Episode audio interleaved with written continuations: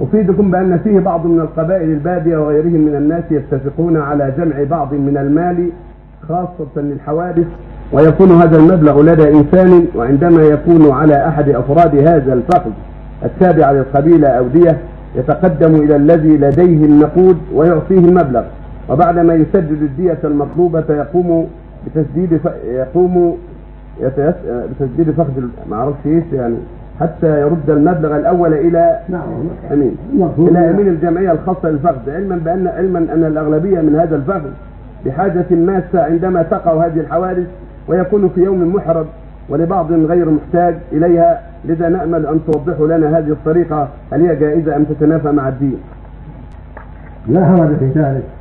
اجتمعت القبيلة أو بعض القبيلة على مساعدة معينة يجمعونها عند شخص منهم للحوادث طابت بها نفوسهم فلا بأس بذلك. إذا طابت بها نفوسهم لحوادث تحدث عليهم من آه، مصيبة قتل أو غير قتل من جراحات أو فقر أو كارثة من سيل أو حرق أو حريق أو ما أشبه ذلك فلا حرج. هذا من باب التعاون على الخير نعم. من باب الإحسان وجبر المصاب وسد حاجة الضعيف فلا بأس بهذا. إذا طالت فيها نفوسهم تجمع ولا فيها زكاة.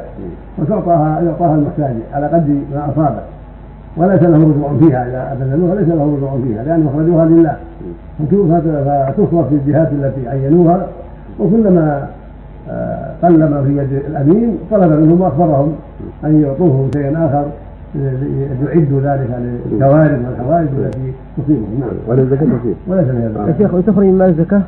نعم تخرج من الزكاة فيها؟ لا مو على كل حال ينبغي ان تكون أن نفوس من غير الزكاة إيه. لأن الزكاة لها مصالح مخصوصة فإن جعلوها بالزكاه لابد تعين فلا يعطاها إلا من هو من أهل الزكاة. معقول يا شيخ يجمع أكثر من 300 و 400 يعني تربع ولو مليون ولو مليونين لكن من غير الزكاة؟ الزكاة يجب اخراجها في الحال ل- ل- لأهلها.